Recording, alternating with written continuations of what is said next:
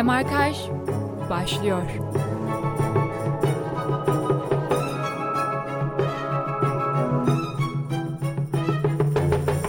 96.6 frekansı ve radyobilkent.com'dan hepinize merhaba. Ee, şahane bir cumartesi akşam üstünde yine Demarkaj'dasınız. Bizlerle berabersiniz. Mikrofon başında ben Zeynep ve spiker arkadaşım Mert'le beraber. Hoş geldin Mert. Hoş bulduk. Benim için de uzun zaman oldu aslında mikrofon başına Aa, çıkmayalı. O yüzden özledim. Biraz da duygusal hissediyorum açıkçası şu anda.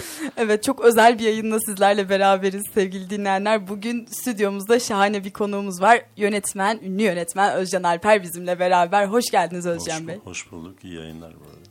Teşekkür, Teşekkür ederiz. Nasılsınız? iyi misiniz? İyi valla. İşte ne denir? Ayağımın tozuyla stüdyonuza geldim. Bugün Ankara'ya e, geliyordum yine başka bir program nedeniyle. E, Kavaklıları sineması yeniden açılıyor. Kült Kavaklıları diye yeni bir mekan var kazanılacakmış. E, filmim gösterilecek. Ben de bu vesileyle bir gün Ankara'ya geldim size geldim diyeyim. Ya biz de çok onur olduk aslında. Yani böylesine güzel bir e, önemli bir konu ağırlamanın heyecanını yaşıyoruz. E, Hele ki diyelim. böyle güzel de bir günde gerçekten Tabii. filmin gösterim, gösteriminin olduğu günde evet. ve bizi ziyarete gelmeniz gerçekten e, şahane denk geldi bizim için de. Uzun uzadıya filmden bahsedeceğiz daha. Aynen. Gerçi kısıtlı vaktimiz var bugün. Çok fazla tutmayacağız Özcan Bey'i ama yine de e, hızlıca bir başlangıç yapalım diyorum Mert. Ne dersin? Tabii yapalım. İstersen başlayabilirim ben. Tamam e, hani aslında hani internete baktığımızda sizin hakkınızda çokça bilgiye erişebiliyoruz. Fakat hani bir insanı en iyi anlatan yine kendisidir. Dolayısıyla e, programa başlamadan önce aslında bir sizi sizden dinleyelim diyoruz. Ee, o zaman okey. Biraz böyle şey gibi oldu. Bütün biyografi, e, otobiyografi anlatısı gibi. Ee, işte Artvin'de doğdum. Artvin Hopalıyım. Ee, Trabzon Lisesi mezunuyum. Sonra İstanbul Üniversitesi'nde fizik okudum 4 yıl. Ee, bitirmeden bıraktım. Zaten çok az kişi 4 yılda bitirebiliyordu. 7-8 yıldan önce kimse bitiremiyordu. Sonra e, bilim tarihi bölümüne geçtim. E, sonra da uzun bir öğrencilik yıllarından sonra diyeyim 11 yıl süren bir öğrencilik yılından sonra e, bilim tarihini bitirdim. İkinci, yani ilk üniversite döneminde aslında sinemayla ilgilenmeye başlamıştım. Ee, biraz edebiyatla da uğraşıyordum açıkçası yazma ve daha çok edebiyat eleştirisiyle. Ee, sonra sinema okuluna değil de bilim tarihini hani bitirip bir taraftan da sinema ile ilgilenmeye devam ettim. Çeşitli kurslara gittim. Ee, sonra da kısa filmler 2000 yılından itibaren kendim hem kısa film hem belgesel çekmeye başladım sinema sektöründe pek çok e, yönetmeni asistanlık ve farklı departmanlarda çalışmaya başladım. 2008 yılında da ilk filmim Sonbahar filmini çektim. İşte dördüncü hatta beş film çektim bugüne kadar. Bugün gösterecek film aslında dördüncü filmim. Diğer sonradan çektiğim, Netflix'e çektiğim Aşıklar Bayramı aslında sonrasında çekmiştim ama daha hızlı çıktı. Dijital platform olduğu için. Hı hı. Ee, öyle sinema yapmaya devam ediyorum. Ee, İstanbul'da yaşıyorum. Kadar. Süper. Ee, gerçekten e, her sorabileceğimiz her detayı anlattınız vallahi çok sağ olun. E, ben şeyi merak ediyorum. Aslında bu soruyu da e, açıklamış olduğunuz aradan çıkmış oldu. E, sinemaya olan ilginizin nasıl başladığını soracaktım ama e, farklı bir yere çevireyim soruyu. E, Robert Altman'ın söylediği çok güzel bir söz var. Bunu da yayınımıza almak istedik. Kendisi diyor ki film yapmak birçok hayat yaşamak için bir şanstır diyor. Bu sizin için de böyle mi yani film yapmak, sinemayla haşır neşir olmak böyle aslında biraz da romantik bir yaklaşım bir bakıma da. Çok, çok aslında gerçekçi bir yaklaşım. Hı hı. Bize e, farklı tanımadığımız bir e, Rusya'da okumuş görüntü yönetmeni e, Hayk Krakasyan o da söylüyordu bir e, şeyde karşılaştığımızda. Gerçekten sonra ben de düşündüğümde her filmde aslında yeni bir dönem başlıyor. Her filmle beraber onun araştırması, yazma dönemi, o karakterlere hayat verirken yeni bir mekan kuruyorsunuz aslında. Farklı bir e, bu zaman içerisinde başka bir zaman mekan yaratıyorsunuz e, ve kaydediliyor bu. E, ve her filmde düşünün en az yüz, yüzlerce kişi tanıyorsunuz. E, minimum bir, bir set yani sadece kamera arkasını değil o esnada işte yolculuklar, e, gittiğiniz şehirler, kasabalar pek çok insan tanıyorsunuz. İnsanla temas ediyorsunuz. O yüzden gerçekten e, ya benim için mesela hatta yani filmin bitimi değil özellikle hazırlık dönemi, o dünyayı kurma, filmin atmosferini kurma, karakterleri yaratırken özellikle mekanlarını bulurken hatta o yüzden de daha çok e, filmin e, mekanlarını bulurken belli bir drafttan sonra senaryo kendim gidip dolaşmayı seviyorum. E, hem böyle inanılmaz farklı coğrafyalar görüyorsunuz, farklı mekanlar görüyorsunuz hem de bir sürü insanla tanışıyorsunuz. Benim için de gerçekten öyle yani her film gerçekten farklı bir hayat yaşamak kadar e, şey oluyor. O yüzden böyle filmlerin o bittiği son gün, son saatler çok buruktur mesela. Sanki böyle bir bir kara deliğe giriyorsunuz hadi madem böyle bir fizikten tarif edeyim. Şimdi burada ki normal akışında bir zaman var ama orada sanki böyle bir başka bir kuantik evrene giriyorsunuz. Yani o film çekim hazırlık ve çekim zamanı diyelim ki o dört hafta ama aslında ya da altı hafta hazırlığıyla beraber diyelim ki üç aylık bir zaman. O üç ay sanki orada bir üç yıl gibi de olabiliyor aslında. Farklı, daha farklı bir, daha uzayan bir zaman diliminden bahsedebiliriz. Ee, o yüzden evet farklı bir evrene gidip gelmek gibi de olabiliyor aslında. Peki e, hep yani birçok yönetmenle birçok oyuncuyla sonradan özellikle e, bu e, tarafa yönlenen e, birçok kişi hep aslında içinde bir yerde bunu yapacağına olan inancı olduğunu söyler. Ben bir gün biliyordum e, sanatla haşır neşir olacağımı ya da bir gün biliyordum yönetmen Ee, olacağımı. Var mı böyle bir hissiniz? Genellikle bunu Türkiye'de müzisyenler söylüyor. Dikkat ettiğim. İşte çocukken yok terli alırdım, şunu alırdım şarkısı. Ben şuna inanıyorum. Ee, yani e, habitata inanan biriyim. Yani aslında bütün sanatçılar, dehalar, bilim insanları bizi e, aslında koşullar yaratır. Ve her her çocuğun, Anadolu'da gördüğüm her e, çocuğun aslında imkan ve e, bir habitat oluşturulduğunda e, hepsinin içinden bir bilim insanı, bir sanatçı, bambaşka bir yetenek çıkabileceğine inanıyorum. E, o yüzden imkanlar meselesi işte kimimiz daha farklı bir ailede doğuyoruz, kimimiz daha farklı bir toplumsal ve etnik ortamda doğuyoruz. Bu e, tabii ki zaman özellikle de Türkiye gibi bir ülkede biliyorsunuz e, çok fazla sert hayatlar var. Çok fazla siyah beyaz. Yani bu hem politik olarak böyle hem de gündelik hayatın ekonomik olarak yaşanmasıyla ilgili bir, bir dert var. Ee, insanların çok az kendilerine ayırdıkları boş zaman var. Sanat aslında sanatsal haz meselesi özellikle hem yapabilme adına hem de özümseme anlamda yani sanatı takip edebilme e, anlamda e, insanların çok az e, hem karşılaşma hem de zaman ayırabilme şey var. Çünkü zaten gündelik hayat, ekonomik hayat bütün her şeylerini karşılıyor. Düşünsenize yani bütün hayatlarını sadece bir ev alabilmek için e, ya da bir araba alabilmek için insanlar hayatlarını geçiriyorlar. Şimdi böyle bir ülkede tabii e, bu demin dediğim her insan için aslında bir sanatçı ve bilim insanı çıkabilir durumu çok zor olabiliyor. E, ama yine de e, diyelim ki benim gibi Artvin'de bir dağ köyünde büyümüş bir çocuk için de e, işte sinemacı olabiliyorsunuz. Bir, bir tutku işi e, gerçekten ama ben çocukken tabii ki hiç hayatımda sinemaya gitmemiştim ki nereden yani yönetmen olayım böyle bir şey yoktu yani. X e, büyük ekran yani filmi neredeyse İstanbul Üniversitesi'ye geldiğimde izledim. Ama mesela şöyle bir şey vardı yani çok önemli şey bu. Ve mesela benim dönemimde hmm, özellikle çocukluğumda o dağ köyünde cumartesi ya da pazar sabahı kalkıp evet bir kovboy film izleyebiliyordum ama pazar sabahı kalkıp bir klasik müzik konseri izleyebiliyordum. Ee, özellikle haftada birkaç gün sinema ve edebiyat programı vardı, o vardı, bu vardı.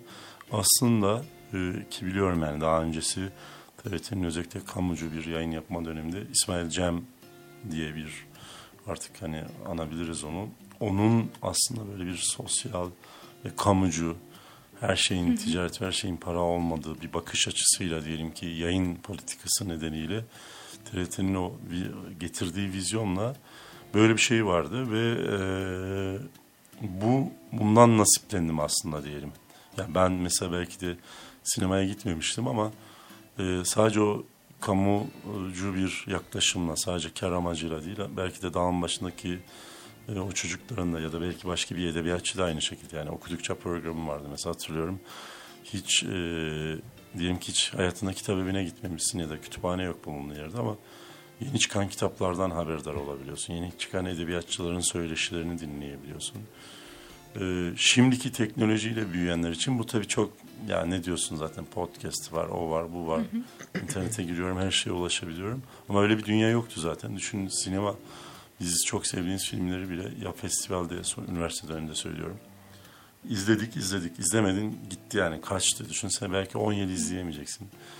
Ee, VHS buluyorduk diyelim ki benim dönemimde. Mesela diyelim ki Tarkovski'nin bir filmini izlemek istiyorum tekrar çamur gibi oluyordu görüntü. Böyle hatta böyle siyah beyaz olunca diyelim ki iyice böyle gölgeler birbirine hı hı. karışıyordu falan. Çok başka bir teknolojiydi. Bugün başka bir teknoloji var aslında. Ama bugün de Türkiye'ye baktığımızda aslında başka bir şeye ihtiyaç var. Yani onu görüyorum yani. Biz o anlamda şanslıydık. Bugün sizler açısından da başka bir şanssızlık var gibi. Çünkü işte son bu deprem olayında da gördük ki her şey çok fazla e, sağ liberal bir yerden bakıldı bir dönem Türkiye'de. Yani özellikle son 15 yılında işte e, kültürel politikalara. Yani o yüzden kültür çok önemli bir yerde duruyor burada. Yani e, bir sürü dediğim, dediğim gibi yani Anadolu'dan pek çok insanın bununla tanışması kendini var edebilmesi için. Burada da tabii yani her şeyin kar amaçlı olması e, özellikle bizim gibi toplumlarda sosyal devletin az geçtiği toplumlarda aslında fazlasıyla e, zararlı olabileceğini işte deprem koşullarında gördük. Her şey para değil, tam tersine hastaneler, okullar, şunlar bunlar belediyelerin tam tersine insan hayatını, insan sağlığını, insanın canını düşünerek yapıldığı zaman başka bir şey olabileceğini ve bunun çok geri döndürülemez olduğunu gördük aslında. O yüzden evet habitat önemli ama bu habitat içinde tabii ki sosyal ve politik e, kamucu bir e, yönetim e, gerekiyor insanın merkezi alan bir yönetim gerekiyor. Öyle. Biraz uzun bir cevap vermiş oldum ama. ya ama dediğiniz gibi yani. Bir, biraz otuz evet, evet. Ya fırsat eşitsizliği çok büyük bir problem aslında şu zamana baktığımızda. Çünkü özellikle son zamanlarda böyle e, hani sanatsal dediğimiz filmler özellikle çok fazla revaçta şu anda. Hani e, özellikle Kurak Günler olsun. Evet, e, evet. E, birazdan konuşacağız sizin filminiz olsun. Hani bu tarz bu, filmler. Hatta bu arada araya gireyim Ela Hilmi ve Ali diye çok ilk bir ilk film genç bir yönetmen arkadaşımız. Benim de çok yakından takip ettiğim filmini de çok sevdiğim. Mesela onun filmi girdi bu arada. Ee, keşke imkanı olanlar Ankara'da da girdi galiba. Gitsinler izlesinler bu arada. Kesinlikle ya zorlu bir süreçten geçti zaten sinemaya girme özelinde. Evet. Hani aslında hani biz de şu zamana baktığımızda bu sanatsal filmleri hani sinemadan ziyade sadece festivaller üzerinden ya da hani online platformlardan tabii ki izleyebiliyoruz ama hani o sinema kültürü o beyaz perdeden izlemek izleme tadı bir farklı hissettiriyor tabii izleyici için. Hani onlara da bir anda böyle hızlı bir şekilde ulaşamamak evet, e, evet. izleyici olarak bizi de tabii üzüyor. E, aynı zamanda hani dediğimiz gibi o Anadolu'nun hikayelerini anlatması, Anadolu'nun içerisinde aslında çok e, farklı kültürleri bir arada bulunduran bir ülkeyiz halen de. Dolayısıyla farklı hikayeleri bu beyaz perdede görmek bir izleyici açısından ve bizim sahip olduğumuz kültürleri yakından görme açısından hani bizi çok farklı hissettiriyor ve hani bu kadar böyle zenginlikler varken bunları daha çok ortaya çıkarmayı evet. teşvik etsek keşke hani e, daha güzel şeyler ortaya çıkarabileceğiz gibi duruyor. Yani sadece mesela en basitinden bu tırnak içerisinde art house diye tabir ettiğimiz mesela filmler keşke mesela sadece herhangi bir haberle gündem olmak dışında daha çok salonda görebilsek daha yani sadece filmin kendi varlığıyla da e, daha çok ulaşılabilir ve hani bu aslında çok e, sektörün de ticari yapısıyla da çok muhtemelen e, alakalı ama e, yani mesela işte en basitinden Kurak Günler örneğini verdin mesela. Keşke fon e, mevzusuyla değil de e, çok daha kendi başına çünkü dört başı mamur bir iş yani. E, ve e, bu şekilde ulaşsaydık hem çok fırsat var gibi e, hem de çok da yok gibi yani çok garip. Geçtiğimiz zamanlarda yine e, buradan selam söyleyelim kendisine Tunç Şahin'i ağırlamıştık. Bize e, 70'ler 80'ler döneminde Yeşilçam filmlerinin e, hasılatıyla alakalı bir soru sormuştu ve biz e, birkaç dakika tahmin etmeye çalıştık ve bi- bilemedik yani çünkü o kadar yüksek bir değerden bahsediyordu ki hani 30 milyon civarı bir şeydi yanlış hatırlamıyorsam çok daha yüksek bile olabilir. E, çünkü o zaman her küçük kasabalarda bile ben Gümüşhaneliyim mesela hmm. Hocam Bey. orada e, Gümüşhane'nin küçük bir ilçesindenim hmm. aslında Kelkit'tenim. Ve orada bile iki tane küçük bir kasaba sinemaları varmış. Benim babamlar orada giderlermiş sinemaya. Hmm. Şu anda e, bırakın ilçeleri ilde yok mesela. Gümüşhane il çevresinde sinema yok aslında. E, çok garip. Sinema olunca da çok fazla AVM'lere ya da ticari merkezlere bırakılıyor. Aslında burada yani küçük yine açabiliriz. Yani bu aslında bir e, bizim hakkımız yani bir seçim öncesinde de olduğumuz için hani birey olarak aslında bir ülkede yaşarken aslında bir sosyal devlet olmanın gereği tıpkı barınma, sağlık ve eğitim gibi aslında kültür hakkı meselesini çok konuşmak gerekiyor Türkiye'de. Çünkü çok ciddi bir sorun bu. Ve bunu sadece bu arada e, herhangi bir siyasi parti şey yaparak söylemiyorum. Yani genel olarak Türkiye'de böyle bir sorunsal var. Hı hı. Hatta Cumhuriyet'in 100. yılı meselesi çok telaffuz ediliyor. Bundan da ilintilenebiliriz. Cumhuriyet'in 100. yılı ama Türkiye'de gerçekten sinema ve bu tarz şeylerle ilgili çok az kamusal anlamda sinema ve şeyler var. Kültür merkezi diye bilinen yerler, belediyeler, iller, valiliklere bağlı yerlerde biliyorsunuz çok batıl ve çok e, dizaynsız maalesef sadece adı tabelası tabelasında kültür merkezi e, yazan yerler. O yüzden şimdi art az diyoruz ama aslında bu filmler izlendikçe yani bir çocuk ortaokul ya da lise yıllarında izleyecek ki bu edebiyat gibi aslında okuma alışkanlığından birine siz zorla 30 yaşında hadi otur Dostoyevski oku diyemezsiniz ki ya da felsefe okuyor diyemezsiniz. Sinemada aslında böyle bir hı hı. sinema kültürü yaratılabilir. Bu da bizlere bağlı bir şey değil yani sadece bizim film çekmemizle e, bağlı değil. E, tam tersine yani hem ülkenin kültür bakanının hem e, belediyelerin ama burada hiçbir siyasi parti ayırmadan diyorum aslında böyle yaklaşmaları gerekiyor. E, hatta benim de yani en çok Türkiye'de şimdi işte bu 100. yıl meselesiyle keşke bütün siyasi partiler de keşke gençlerden oy istenirken gençlerin en çok aslında talep ettiği şey kültür hakkı olsaydı. Çünkü biliyoruz ki kültüre en çok ihtiyacı olan genç nüfus özellikle üniversite, lise ve üniversite gençlik Türkiye'de ve nüfusta biliyorsunuz çok büyük bir oran. Ve aslında en az onlar şu anda kültürel etkinliklere gidebilmeye e, sahipler. E, tabii ki onlar dediğiniz gibi yani e, Türkiye'nin her yerinde biliyorsunuz neredeyse apartman üniversiteleri açıldı. Bana kalsa apartman üniversiteleri açıldı. Türkiye'nin her yerinde tıpkı yani yine belki şey olarak bilirsiniz bilgi olarak mesela hep konuşulan bir şey vardır Türkiye'nin kültür birikimiyle ilgili köy enstitüleri meselesi mesela. Evet. Ee, ki zamanında çok az olmasına rağmen bölgelerde ve ben de şimdi Artvin'den biliyorum. Artvin'deki atıyorum eğitim ve kültür seviyesi hala işte Kars'taki Cilavuz ve Trabzon'daki Beşikdüzü'ndeki köy enstitüsünden kaynaklıdır. Türkiye'nin aslında e, bugün tam da belki bu 100. yılın da meselesiyle hangi siyasi parti olursa olsun önemli değil. Yani iktidara gelen bir partinin belki de e, bu yaklaşımla Türkiye'nin her yerine kent enstitüleri dediğimiz e, yani sizin dediğiniz o küçük kasabadaki e, gençlerin bile e, nasıl ki spor hakkı var, o hakkı var, bu hakkı var. Belki de haftada bir gidip film izleyebildiği, bir konsere gidebildiği, bir tiyatro oyununa gidebildiği ve bir edebiyatçıyla tanışabildiği bu tarz aslında yerlere ihtiyacı var ve bu aslında biliyorsunuz Türkiye ekonomisinde diyelim ki 500 tane böyle yer açtınız. Hani 100 tane il ve ilçeleri de sayalım. 500 tane yer açtınız. Türkiye ekonomisi için bu o kadar da büyük bir para değil bu arada. İnanılmaz küçük. Bir çok rahat bir Kültür Bakanlığı ve Gençlik ve Spor Bakanlığı'yla e, Milli Bakanlığı'nın çok rahat ortak bütçelerinden e, halledilebilecek bir şey. Ve böyle olduğunda aslında demin konuştuğumuz o zaman e, artı az ve bilmem ne sinema ayrımı da kalmayacak. Şunu konuşacaksınız o zaman. İyi sinema var, kötü sinema var aslında. Ben o anlamda da yani bizlerin filmlerinin çok fazla böyle artı az ve festival filmi ben ona inanıyorum yani. iyi film var, kötü film var aslında. Bu tamamen algı meselesi. Daha çok fazla bizim filmlerde bin tane şeyde girse, AVM'de girse tabii ki izlenecek yani. ee, öyle bakıyorum. Evet. Aslında hani e, sohbetin başında da bahsetmiştiniz bu Aşıklar Bayramı ile alakalı. E, hani dijital platforma hmm. çektiğiniz bir film. E, özellikle son zamanlarda da dijital platformların da e, hani çok fazla özellikle hani beyaz perde evet, evet. perdenin popülaritesini yitirecek mi, o dominasyonu alacak mı gibi çok fazla sorular dönüyordu. Ee, hani Aşıklar Bayramı'ydı, bayramıyla da aslında bu sektöre girişinizi siz yaptınız. Ee, peki bu dijital platforma e, bir yapım üretme noktasında edindiğiniz tecrübeleri, farklılıkları sizlerden dinleyebilir miyiz? Yani ilerleyen süreçlerde de bu farklı platformlarda sizleri görmeye devam edecek miyiz? Ee, yani dijital platformlar biliyorsunuz çok hızlı girdi hayatımıza. Bunun iki nedeni vardı. Gireceklerdi zaten. teknoloji çünkü bambaşka bir yere gidiyor. Ee, ama biliyorsunuz pandemiyle beraber çok daha fazla hızlı girdi.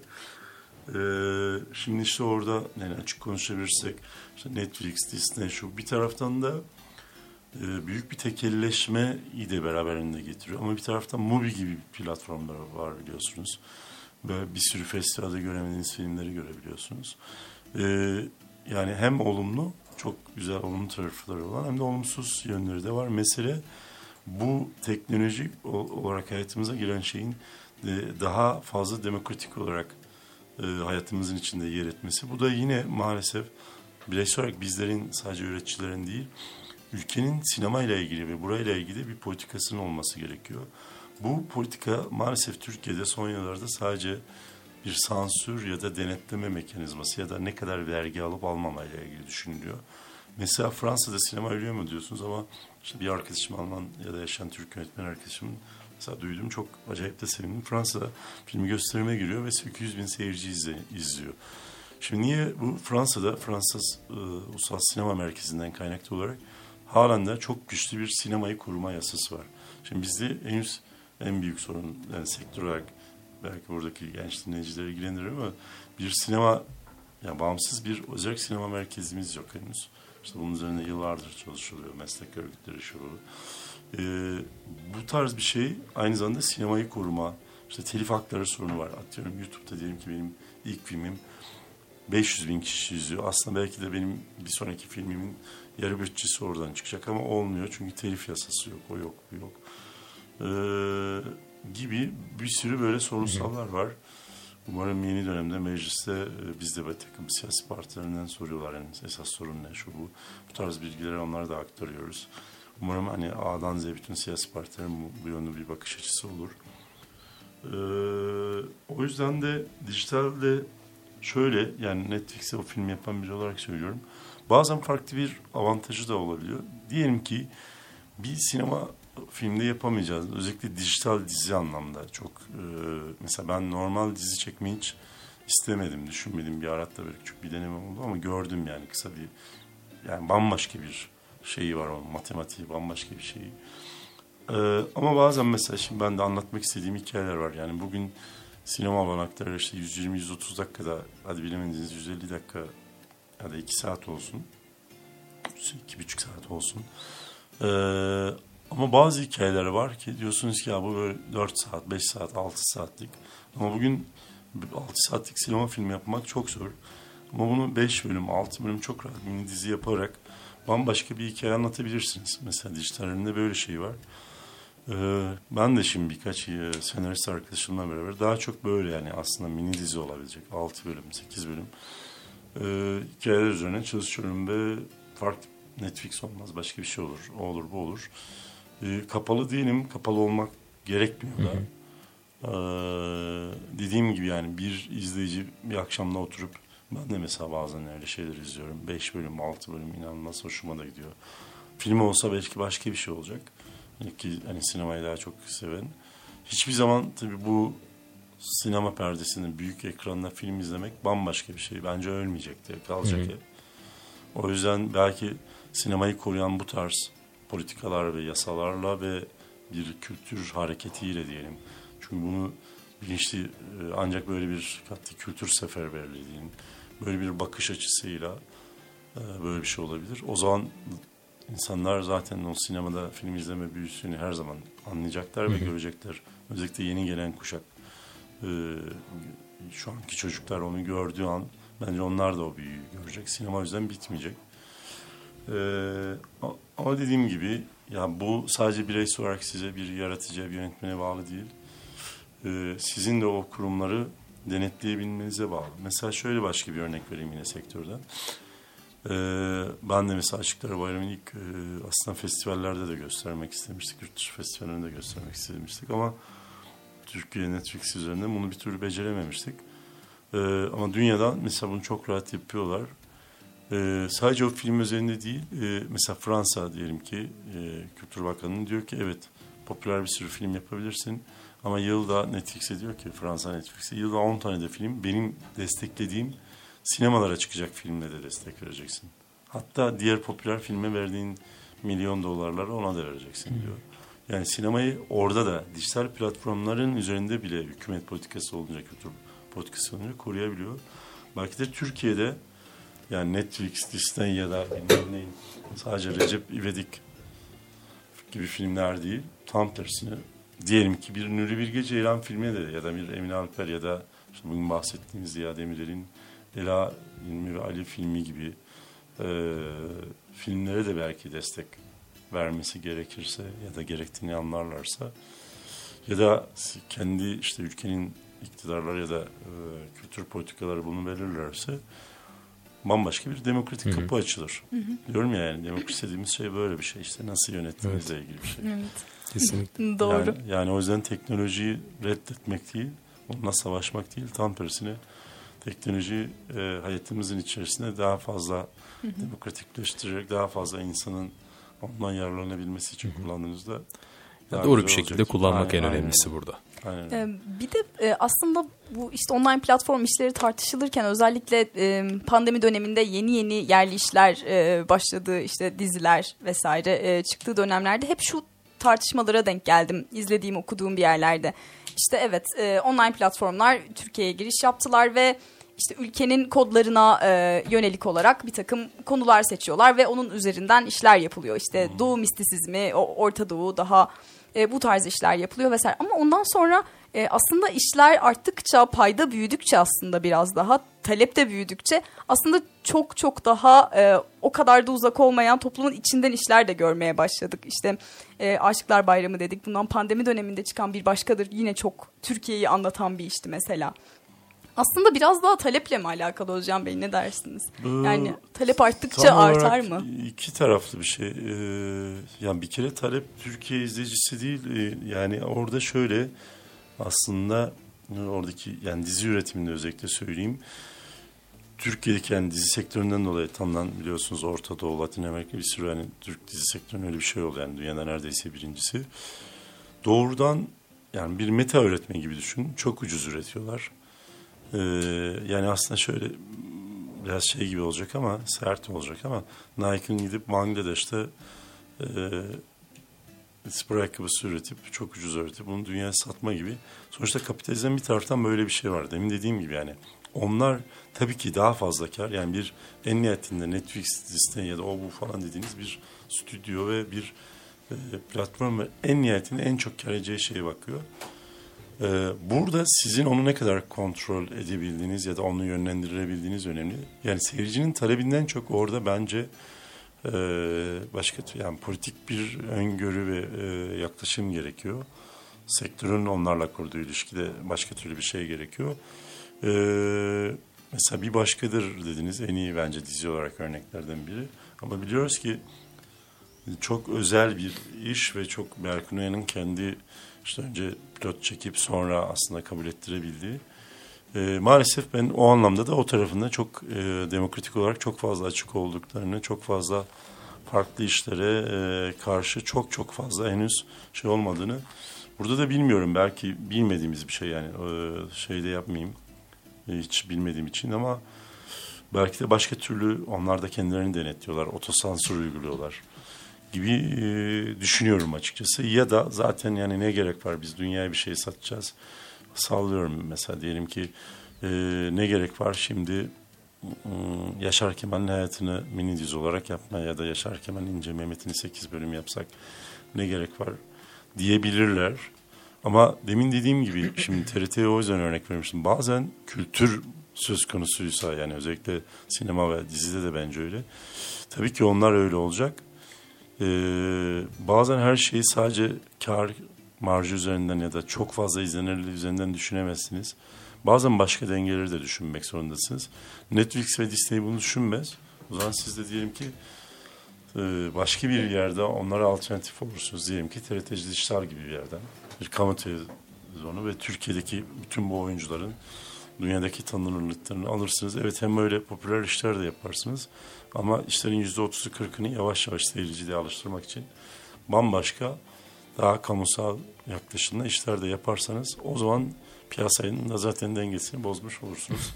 Umarım ki ben hani bunu çok önemsiyorum.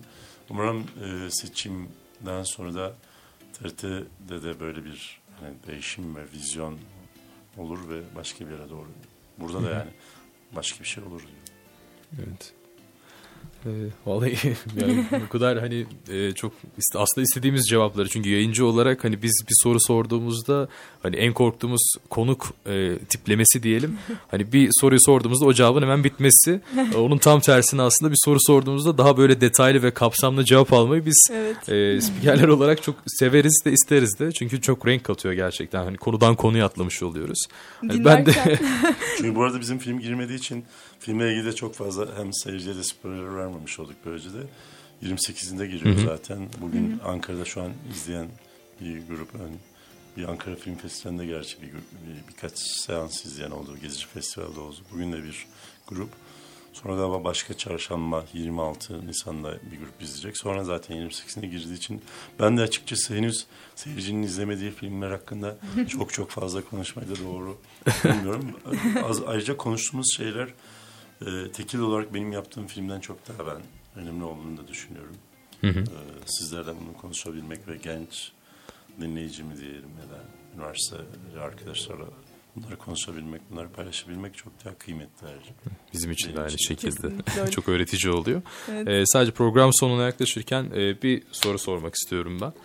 Ee, hani bazı yönetmenler aslında bir nevi hani siz hem yazıyorsunuz hem yönetiyorsunuz Ee, ve bunları aslında hani gerçek hayattan esinlenerek yapanlar da var ama tamamen aklından başka bir dünya yaratıp o dünyayı da izleyiciye aktaranlar da var.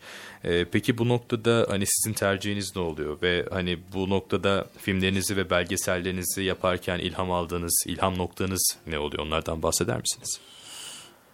Yani evet bir gerçekçilikten yaptığım filmlerden dolayı da e, hep tabii ki bir gerçeklikten etkileniyorum, besleniyorum. Ama bu gerçeklik aslında gerçekçilik olarak tırnak içerisinde diyelim ki ille de çıplak hayat gerçeği değil. Bazen okuduğunuz bir kitap, bazen e, bir felsefi metin, bazen bir şiir, e, bazen küçük bir gazete haberi de olsa bütün bunlar aslında sizi besleyen e, şeyler. Ama e, dediğim gibi yani bu gerçeklikten besleniyorum. Şimdi benim işte Karanlık Gece de aslında bir kasabaya gelen genç bir mühendisin kasabadaki e, aslında varoluş ve aslında neredeyse hayatından bağlı olan bir linç hikayesi. Ama aslında bir taraftan benim için bir Türkiye modellemesiydi o kasaba. Türkiye'nin herhangi bir yeri olabilirdi, herhangi bir şehri olabilirdi. Ee, Türkiye'nin aslında içinde bulunduğu son 25-30 yıllık tabii ki sürecini anlatıyorum ama bir taraftan bana göre Türkiye'deki kötülük, kötücüllük ve kötülük e, kötülüğün sıradanlaşması üzerine de bir mesele. O yüzden sadece 20 yıllık değil bir taraftan 100 yıllık bir mesele olarak anlamaya, bakmaya ama buna tabii ki yine günün sonunda sanat yaptığımız için bir çıplak gerçeklik olarak değil, sanatın ve sinemanın kendi olanaklarıyla ben bu kötülük meselesini, linç meselesini nasıl anlatabilirim diye yola çıkıyorsunuz. Ee, Karanlık Gece'de bu anlamda böyle bir hikaye. Yani bir taraftan evet çok güncel bir sürü insanlar izlediğinde bir sürü bir sürü bir şey yatıracak ama bir taraftan da çok fazla bir e, soyut ve çok geniş zamanlı da bir hikaye gibi okunabilir. Belki 20 yıl sonra da öyle olacak bilmiyorum. Ne kadar kalıcı olacak. E, ama Karanlık Gece bir linç hikayesi olduğu için özellikle 2015 sonrası yani Türkiye'de İstanbul'da Kadıköy'de yaşıyorum. Ee, böyle bir yerde bile aslında toplumun politik olarak gerilip ve ne kadar çabuk böyle fazlasıyla bir fanatikleşme e, ve milliyetçilik damarının kabarması ve çok çabuk gaza gelip böyle çok küçük meselelerde nasıl bir linç e, ortamına katılabilmesiyle ilgili de bir şey. E, film hikayesi linç hikayesi olduğu için. Ama aslında linç meselesinin Türkiye'de nasıl bir taraftan da politik olarak rejim tarafından e, kullanıldığıyla ilgili bir derdim meselem vardı. Aslında bir zaman zaman bunun bitmemesi ile ilgili de bir şey. E, o yüzden evet gerçeklikten Hı hı. çok beslenen ama e, demin söylediğim gibi yani Türkiye'nin böyle her yerine bir hikayeye bir filme başlarken dolaşma e, dolaşırken bile aslında bir sürü hikaye tekrar çarpıyorsunuz. Ee, bir sürü hikaye denk geliyorsunuz. Hı hı. Sadece mekanın mekan aramak olarak bakmıyorum o süreçlerde. Yani senaryoyu yeniden yeniden yazarken. Mesela işte Toroslar'da geçiyor. Ama dediğim gibi Türkiye'nin her yerinde de geçebilirdi. Yozgat'ta, Erzurum'da, Trabzon'da da geçebilirdi bu hı. Karadeniz'de olarak ya da Karadeniz'in başka bir şehrinde de geçiyor olabilirdi ki biliyorum yani bir Karadeniz olarak e, insanların ne kadar çabuk e, bilmeden, etmeden, dinlemeden bazen bu tarz linç olaylarına guru olarak katıldı, katılabilme olasılıklarından dolayı.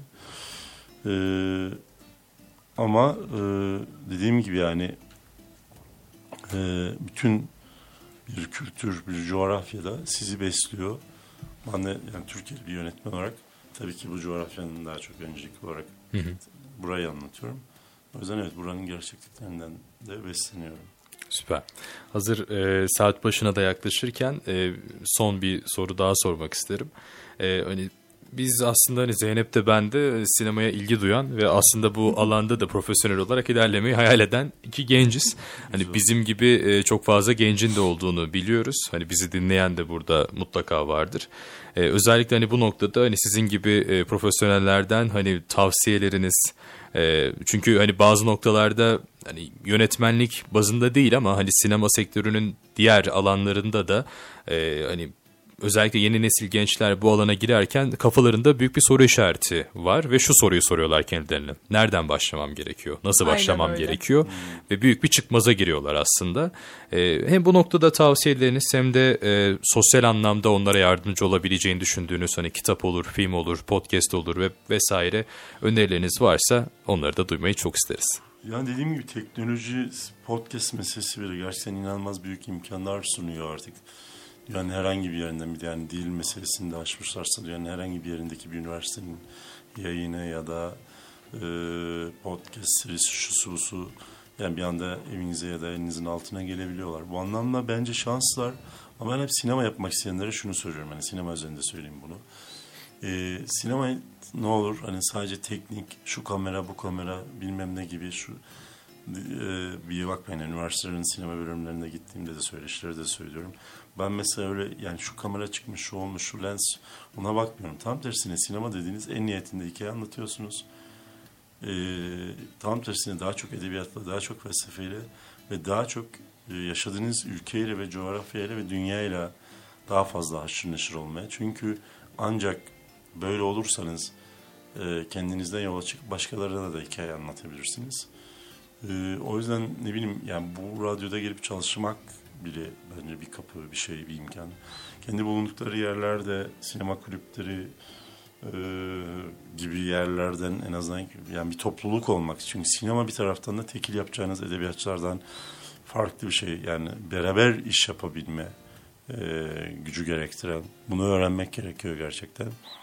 E, böyle şeyler. Onun dışında e, tabii ki sinema üzerine hatta ben teknik olarak değil bazı büyük e, sinema yönetmenlerinin özel hayatlarıyla ilgili biyografi okumayı mesela ben çok severim. E, böyle şeyler ya da nehir söyleşiler. Mesela başlangıç yapacaklarsa bu coğrafyanın bence en büyük yetiştirdiği yönetmenlerden işte Lütfü Akat'ın aslında e, kendi hayatını anlattığı kitabı okumakla başlayabilirler.